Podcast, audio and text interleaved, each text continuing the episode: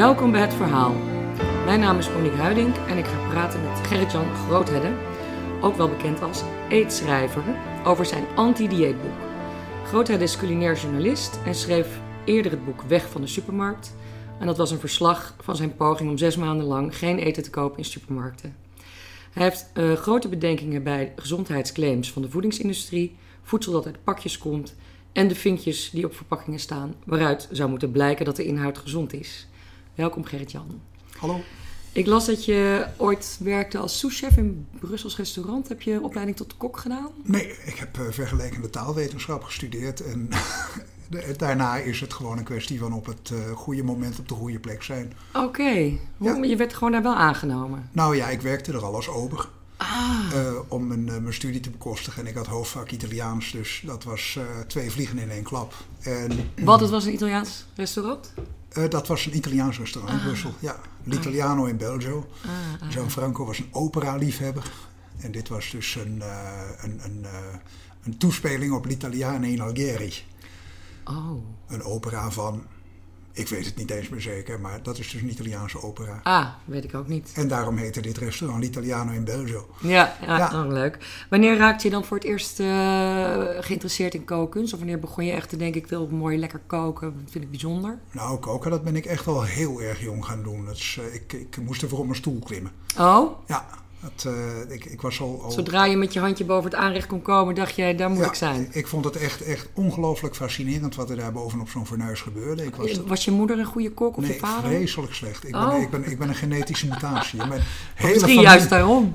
in mijn hele familie kan zelfs niemand fatsoenlijk een ei bakken. Ach. Dus uh, ja, ik weet niet. Misschien ben ik wel de zoon in werkelijkheid van een hele grote chefkok of zo. Maar dat heeft mijn moeder mij nooit verteld. Oh ja. In ieder geval, ik vond het fantastisch. En uh, ja, ik, ik, ik, nam al heel snel uh, gewoon kookdingen over.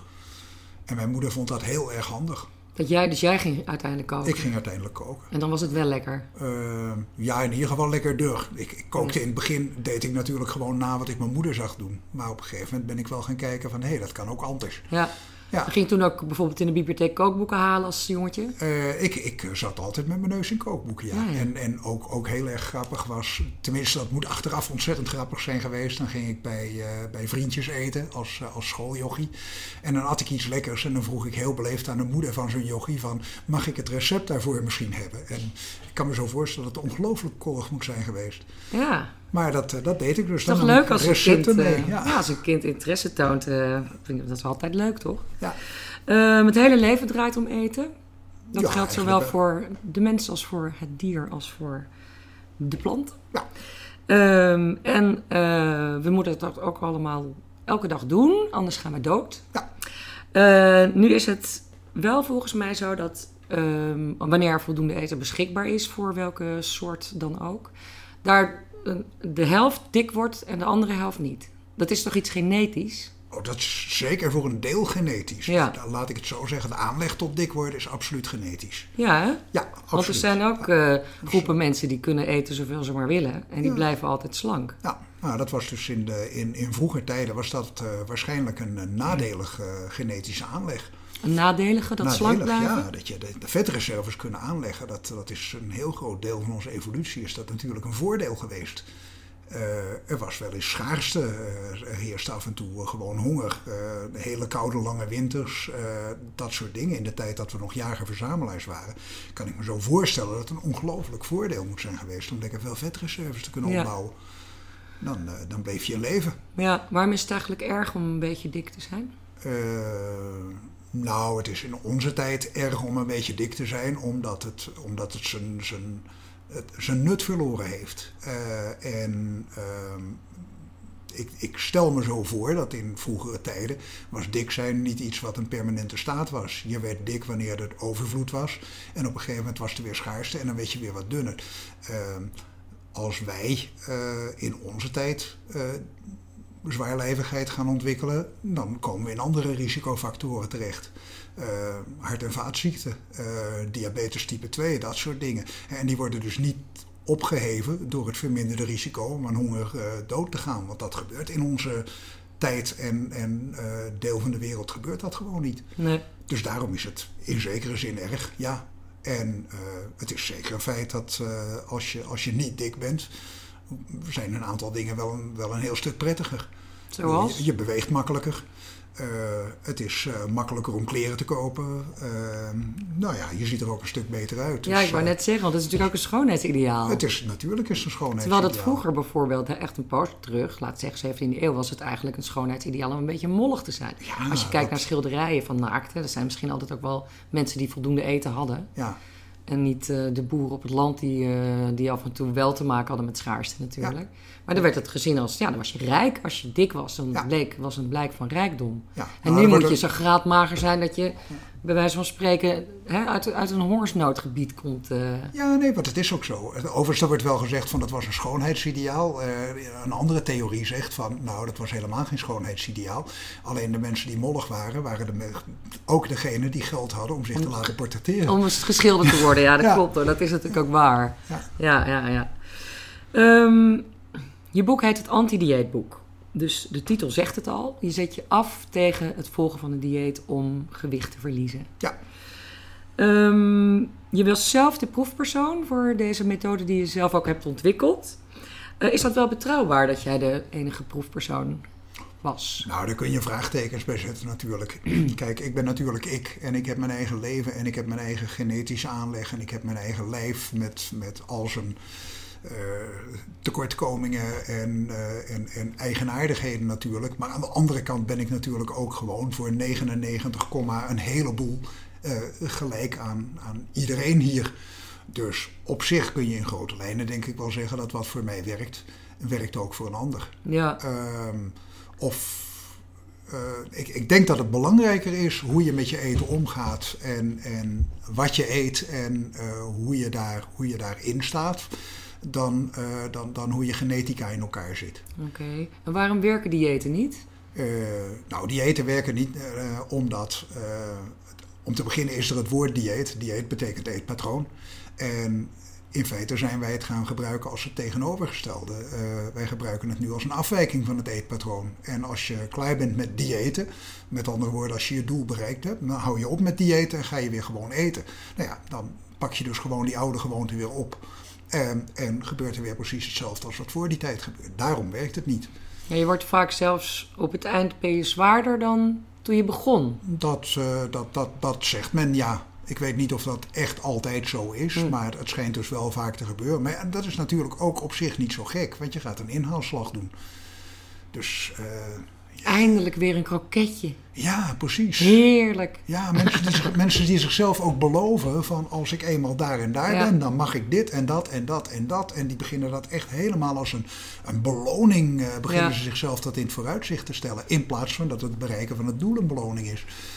Het is trouwens echt opmerkelijk eh, hoeveel kookboeken er zijn. En hoeveel eigenlijk ook een soort lifestyle boeken, weet je wel. Er schijnen, de uitgeverijen schijnen tegenwoordig eigenlijk louter nog winst te maken op dat soort boeken. Ja, Zodra er een, weer een een of andere nieuwe dieet-hype of whatever voor een soort van lifestyle ding op de markt komt, pat, op, meteen op nummer 1 of in de top 10 van de bestsellerlijst. Ja. Hoe verklaar je dat eigenlijk? Dat enorme...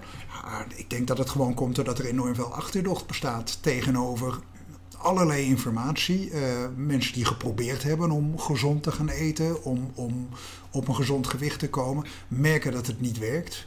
Ehm, en die dan op een gegeven moment het idee krijgen van, nou ja, eh, dan moet het een of andere nog niet ontdekte toverformule zijn. En zodra ze dan iets nieuws zien, wat, en hoe, hoe buitenissiger het klinkt, hoe beter, dan duiken ze er bovenop. En dat, dat, dat zie je ook inderdaad. Ik bedoel, er, was eh, op een gegeven moment, ja, nog maar kort geleden, was er een verhaal dat je elke dag een glas kleiwater moest drinken of zo. Kleiwater. Kleiwater, ja. Wat is dat? Ja, nou ja, water met klei erin. Dan, dan, dan- een of Zo simpel is het. Nou, Een klont klei, hup, glaasje water. Ja, nou ja, dat zal vast en zeker vol met mineralen zitten of zo. En eh, dat moet dan eh, zogenaamd het geheim zijn. Maar ja, dat wordt dan door een, een, een, een ongelooflijk slanke en knappe jonge dame wordt dat gepresenteerd. Ja, nou ja, wie wil daar niet op lijken? Dus huppakee, we gaan allemaal glazen klei drinken. Ik ken het wel uit, volgens mij, een roman van Marques. Oh, dat kan. Dat daar een, een figuur in voorkomt, zijn tante, die eet alleen klei. Ja, Die kon Ja, ook dat- zweven. Het schijnt ook wel... Het schijnt ook wel toveren. vroeger gedaan. ja, het schijnt ook wel vroeger gedaan te zijn. Maar ik bedoel, ja, mensen hebben het. Weet je, wonderdokters, die zijn er altijd geweest. Die zijn er ook in hele primitieve uh, samenlevingen. En eigenlijk zijn dit gewoon de nieuwe wonderdokters. Ja.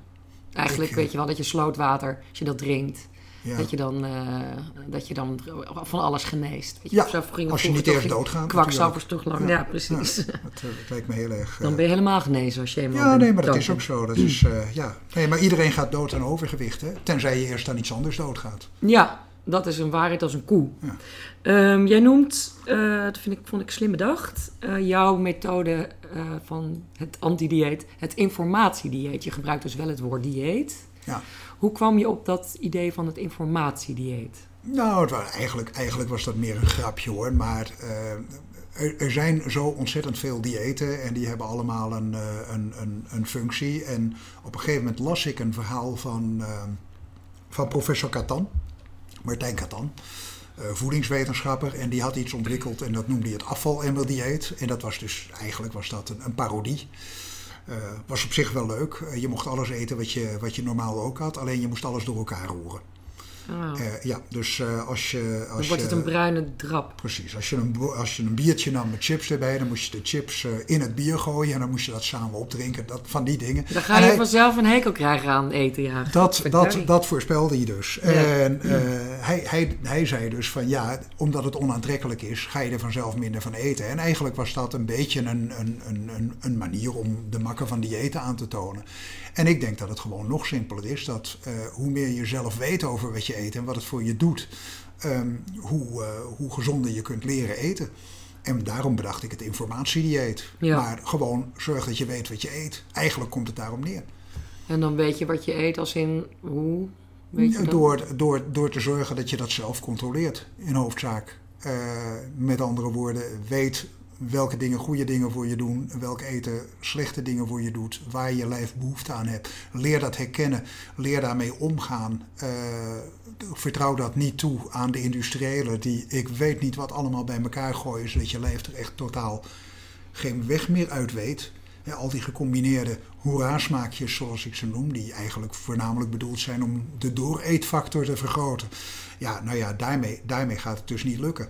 Want je lijf snapt dat niet. Nee. Het, dat brengt je, je, je, je smaakcentra brengt het in de war, je beloningscentra brengt het in de war. En uiteindelijk, ja, god, je neemt nog maar een hap. Want je, het is, je hebt het dan over toevoegingen, denk ik. Hè? Ik heb, ik heb het, ja, nou ja, ik heb het over, over combinaties van smaken. Een, een, een, heel, een heel goed voorbeeld, wat ik altijd geef, is uh, de combinatie van vet en zoet.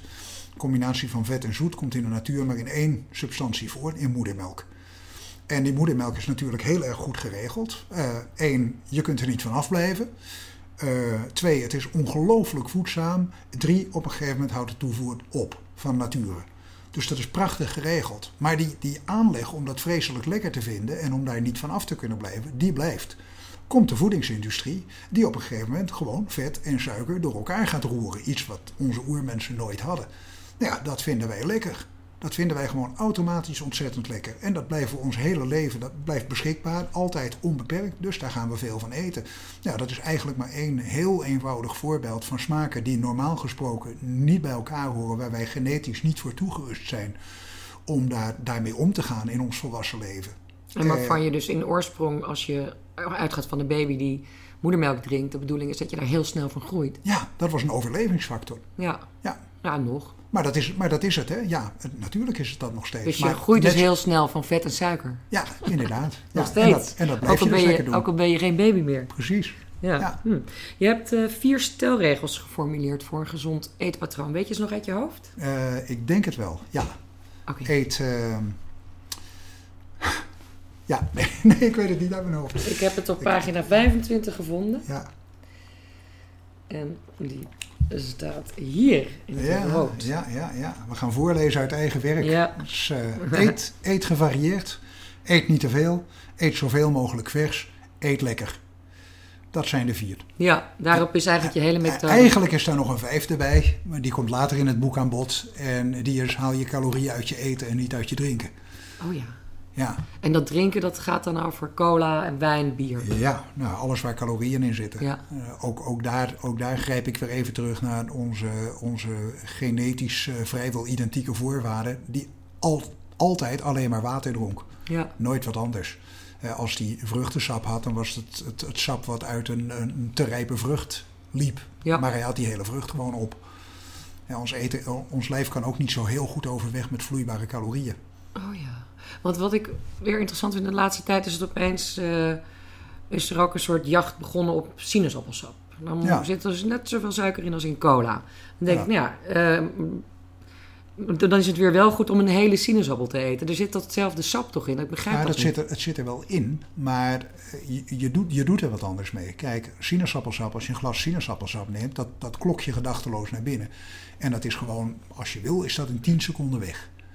Eh, en daarna gaat het echt als een gek door je spijsverteringssysteem heen. Niks hoeft er wat mee te doen. En tegen de tijd dat het halverwege je dunne duim is, zegt je lijf van... Oh, wacht even, daar, daar zat wat in. Daar hadden we wat mee moeten doen. Oh, te laat.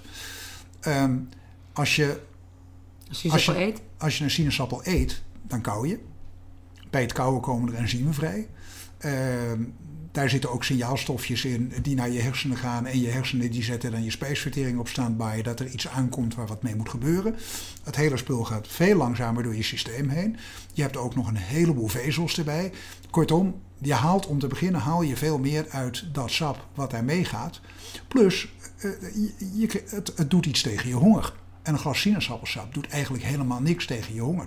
En dat zit hem in het kouwen. En dat zit hem grotendeels in het kouwen en in de afwezigheid van vaste bestanddelen natuurlijk.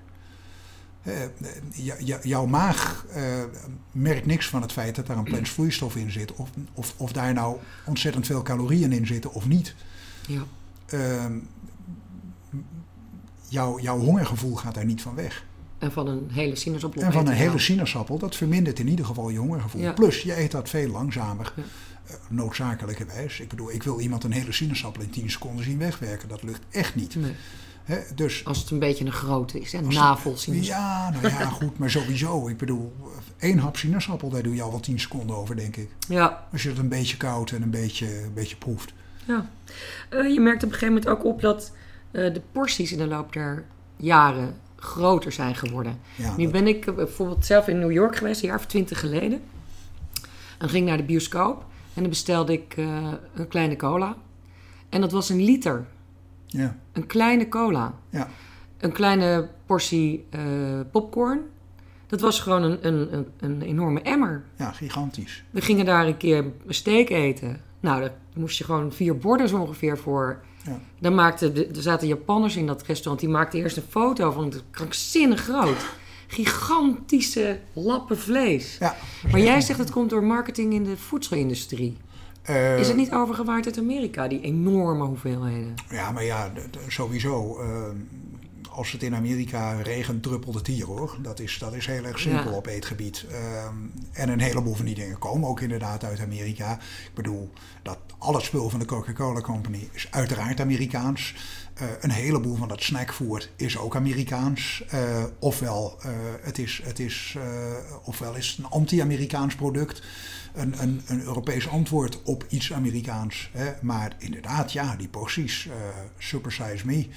Dat hele verhaal. Ja. Ehm, maar ehm, dat verhaal over die portiegrootte, dat is, eh, dat is bestudeerd door een Nederlandse huisarts. En die heeft daarvoor niks anders gedaan dan twintig jaargangen Allerhande, het leefblad van Albert Heijn, heeft ze bewaard.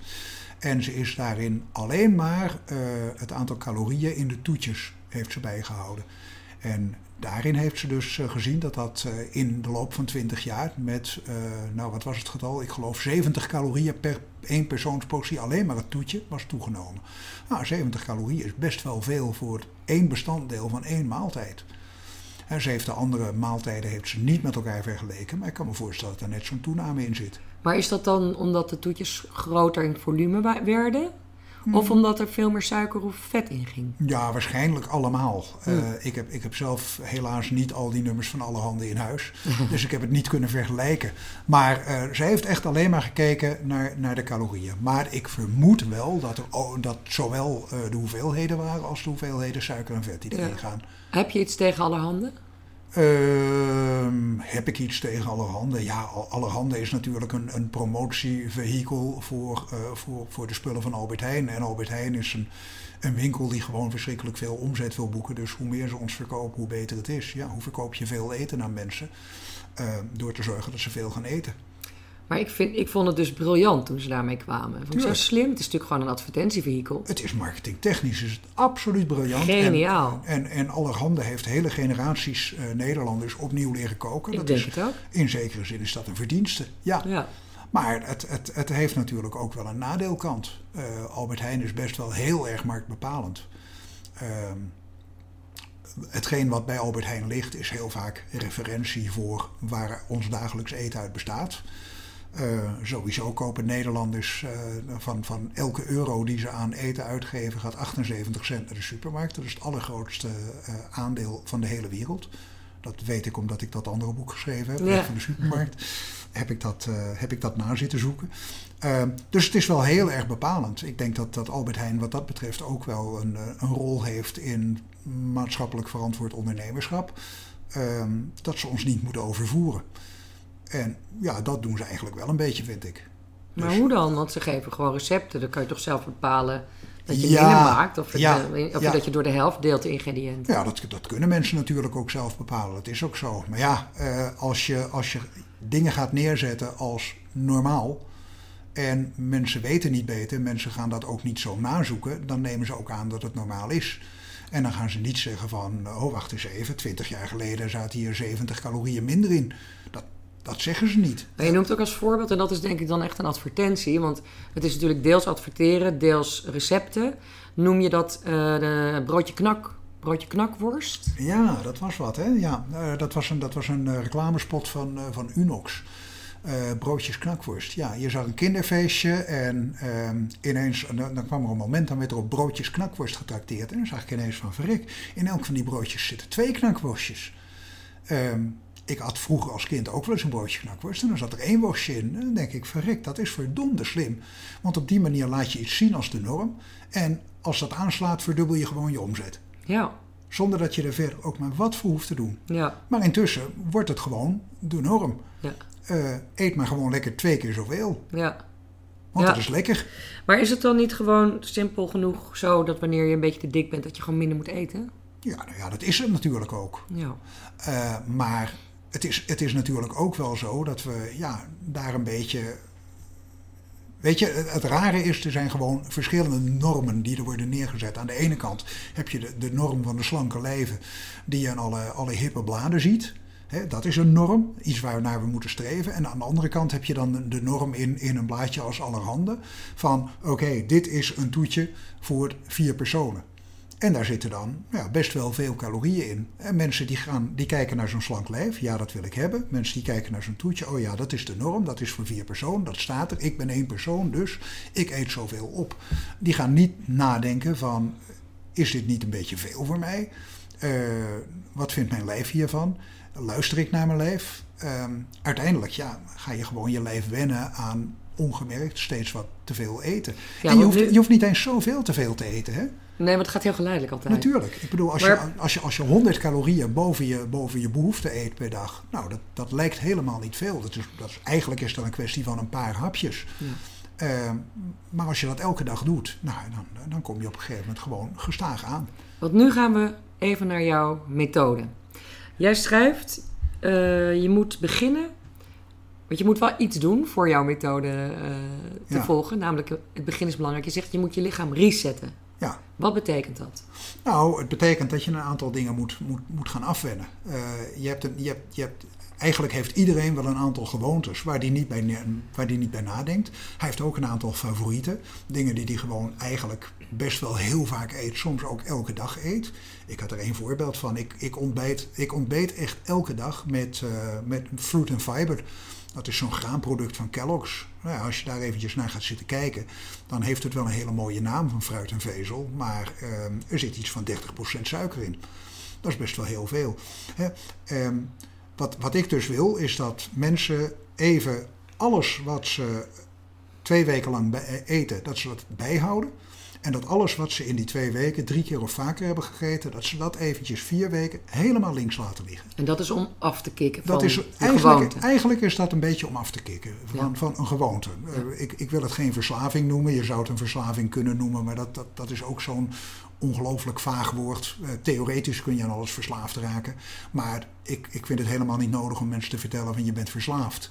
Het is gewoon echt van leer die gewoonte even af. Ja, En ga daarna helemaal opnieuw beginnen. Dan, ga je, dan, dan, dan, dan merk je ineens dat je van je lijf signalen krijgt die je niet meer herkende. namelijk. Nou, van hé, hey, ik vind dit lekker. Hé, hey, dit vind ik fijn. Hier heb ik behoefte aan. Ehm, nu is het wel genoeg. Eh, al, allemaal dat soort signalen. Maar je bedoelt bijvoorbeeld ook dat je dan beter als je denkt van hm, ik heb vandaag eigenlijk wat trek in bijvoorbeeld lever.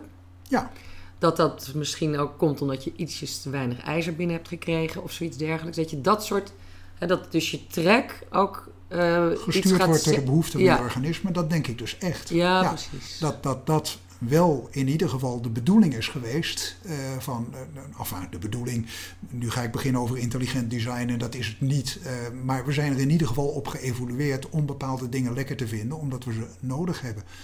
En die, die, die, die centra in onze hersenen, met name dat limbisch systeem, wat al heel erg oud is, eh, wat, wat al bij de, de, de, de vroegste menssoorten aanwezig was en ontwikkeld was, eh, dat, dat zorgt dus voor, met zijn genots- en beloningscentra, dat bepaalde dingen, dat, dat we die lekker vinden, dat we daar trek in hebben, omdat we ze nodig hebben. Ja, ja. ja. Ehm, ik ga je vragen een fragmentje voor te lezen. Oké. Ehm, het gaat een beetje over de intentie van je, van je methode. Ja, over meten en wegen, ja. Er wordt heel wat gezegd over meten en wegen tijdens diëten. Er wordt gepraat over de tailleomvang, omdat buikvet schadelijker is dan ander vet. Over het vetpercentage, omdat het niet de bedoeling is dat je spierweefsel kwijtraakt. En, je zou het bijna vergeten, over het gewicht. In mijn methode heb ik besloten alleen aan het laatste aandacht te besteden. Daar heb ik een goede reden voor. Het gewicht is weliswaar geen streefdoel en met een lager gewicht ben je zeker niet per definitie gezond, maar het is wel een maatstaf voor het effect dat je nieuwe eetpatroon op je heeft.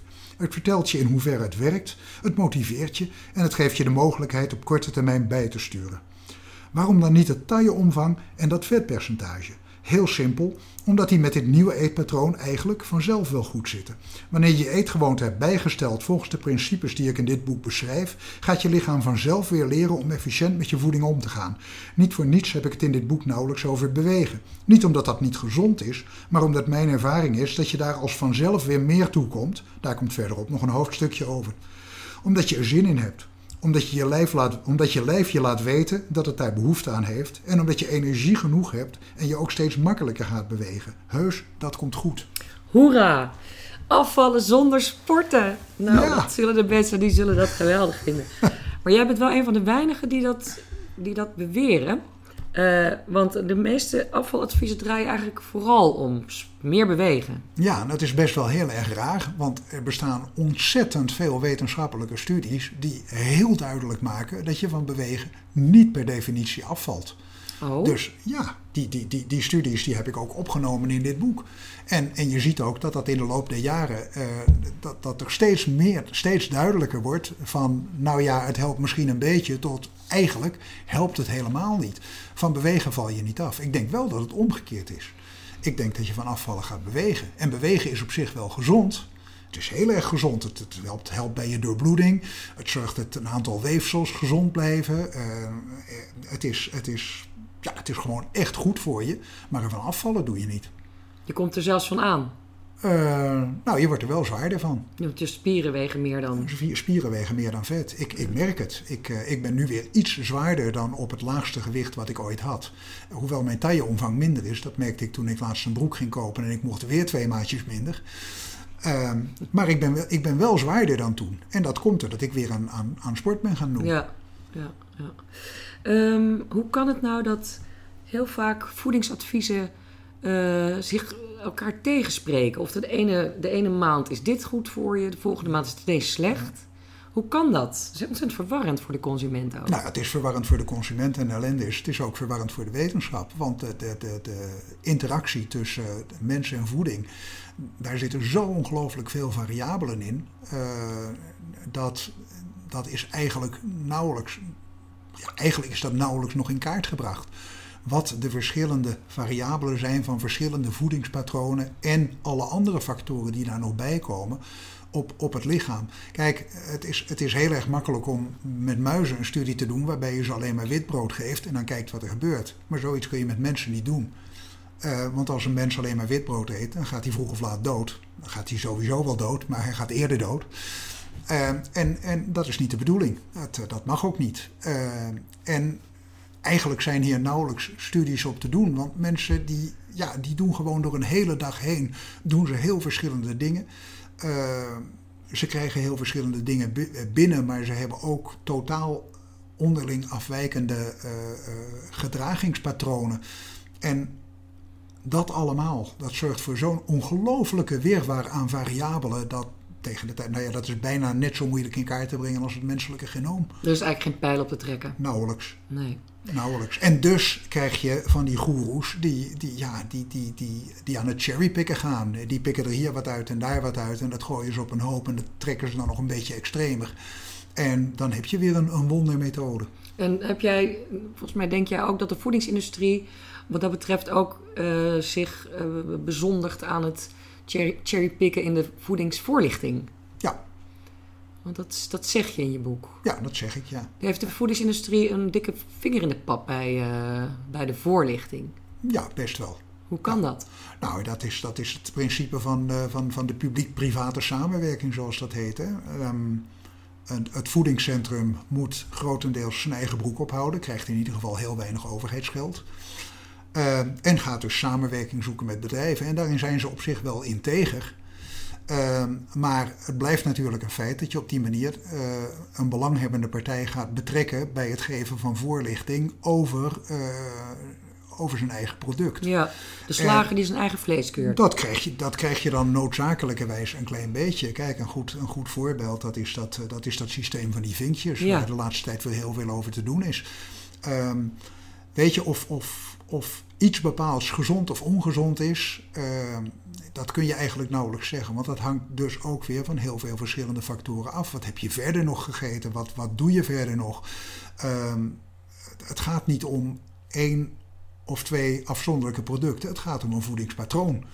Uh, een ijsje dat past prima in een, in een gezond eetpatroon. Dat is dan een, een zinnetje dat zo vaak wordt gezegd. Past in een, een, een verantwoord voedingspatroon. Ja, natuurlijk past het in een verantwoord voedingspatroon. Maar dat betekent natuurlijk niet dat je er elke dag drie van moet eten.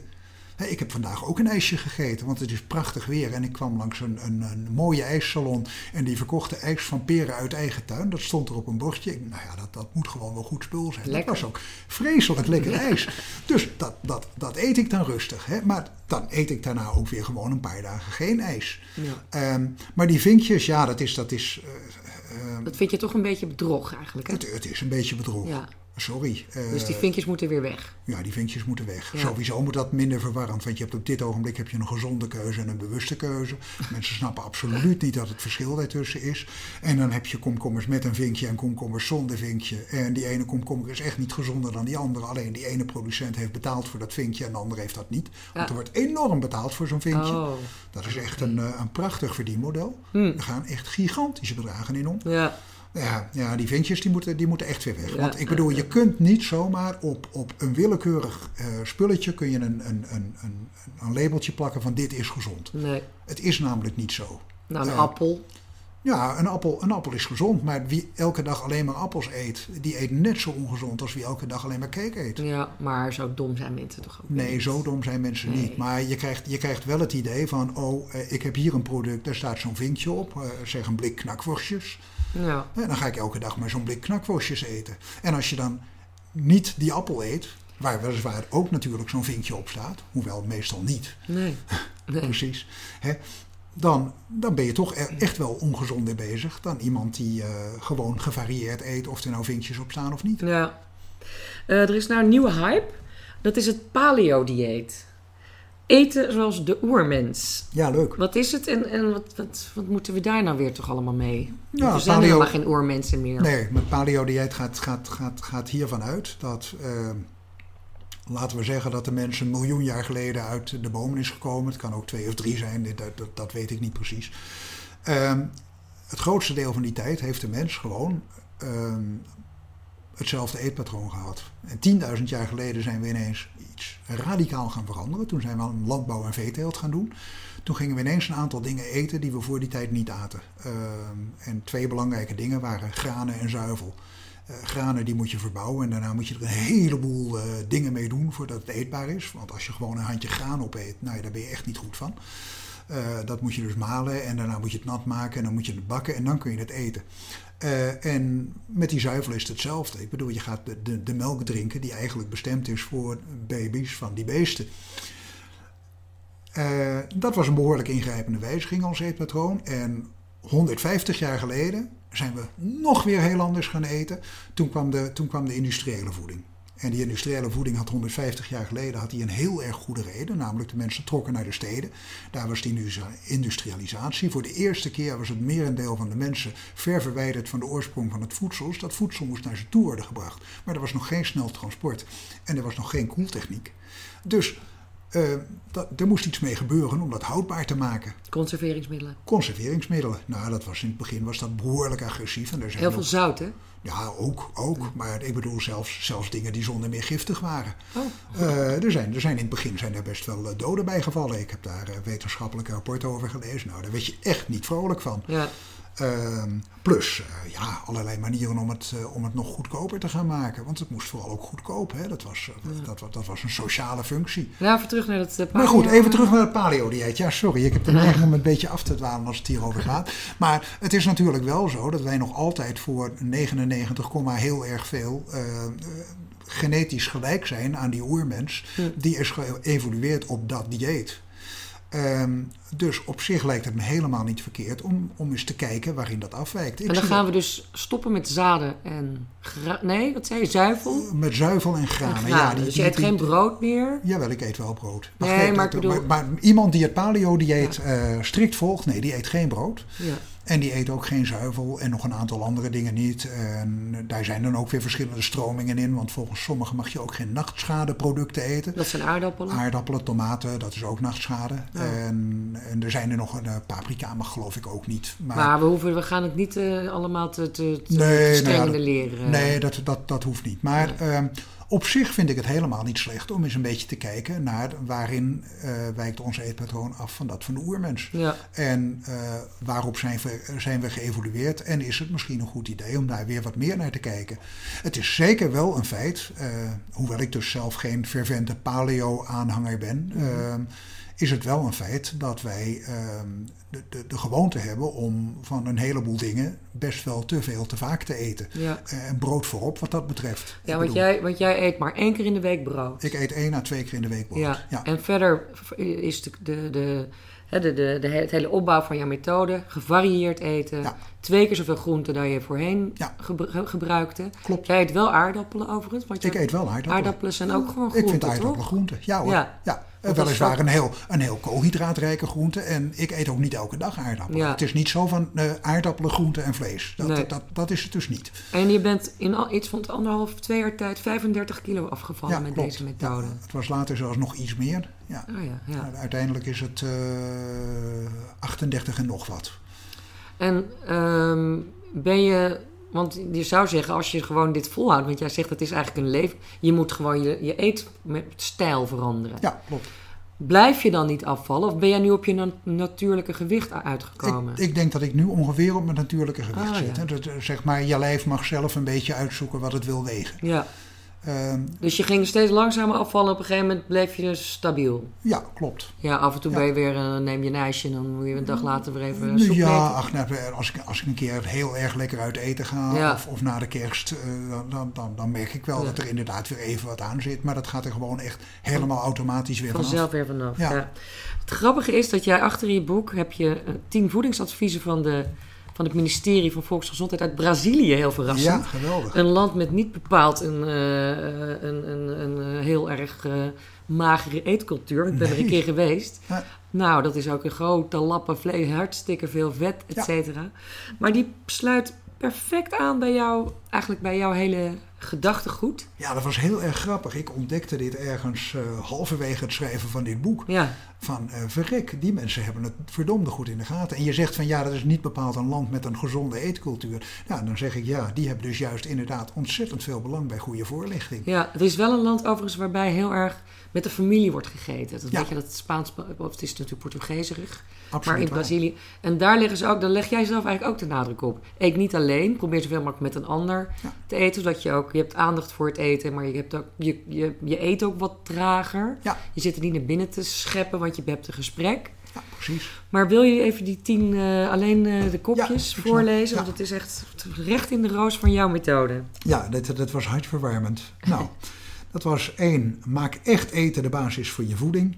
Twee, gebruik niet te veel olie, vet, zout en suiker. Drie, gebruik zo min mogelijk kant-en-klare producten. Vier, eet regelmatig met aandacht en op een geschikte plek. Vijf, eet niet alleen.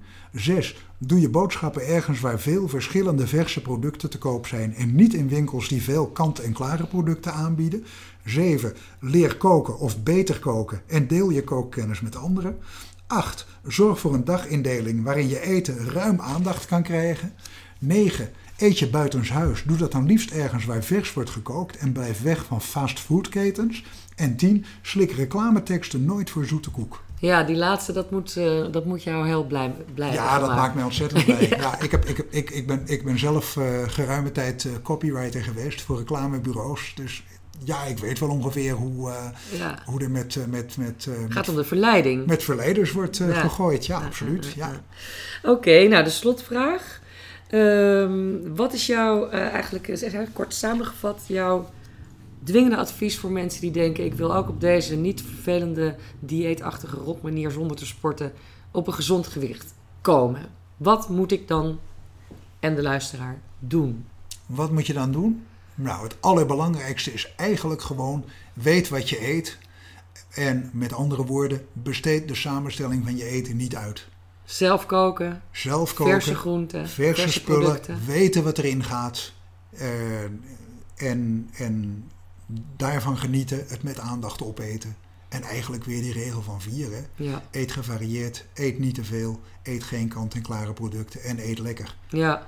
En eh, je, je had samen met je vrouw ook altijd eh, een, eh, de uitspraak... het leven is geen strafkamp. Ja, het leven is geen strafkamp, natuurlijk. Dus je hoeft ook niet helemaal als een gek ontzettend je eraan te houden. Je mag best een keer iets lekkers nemen... wat eigenlijk niet helemaal perfect in je patroontje ook- past. En ook daar zijn we voor toegerust hoor. Ik bedoel, Ja. als, als, als de oermensen een struik vol met bessen zag, dan, Dan had hij hem dan helemaal had hij hem helemaal leeg. Ja, Echt waar, je zou wel gek zijn om dat te laten liggen zeg. precies.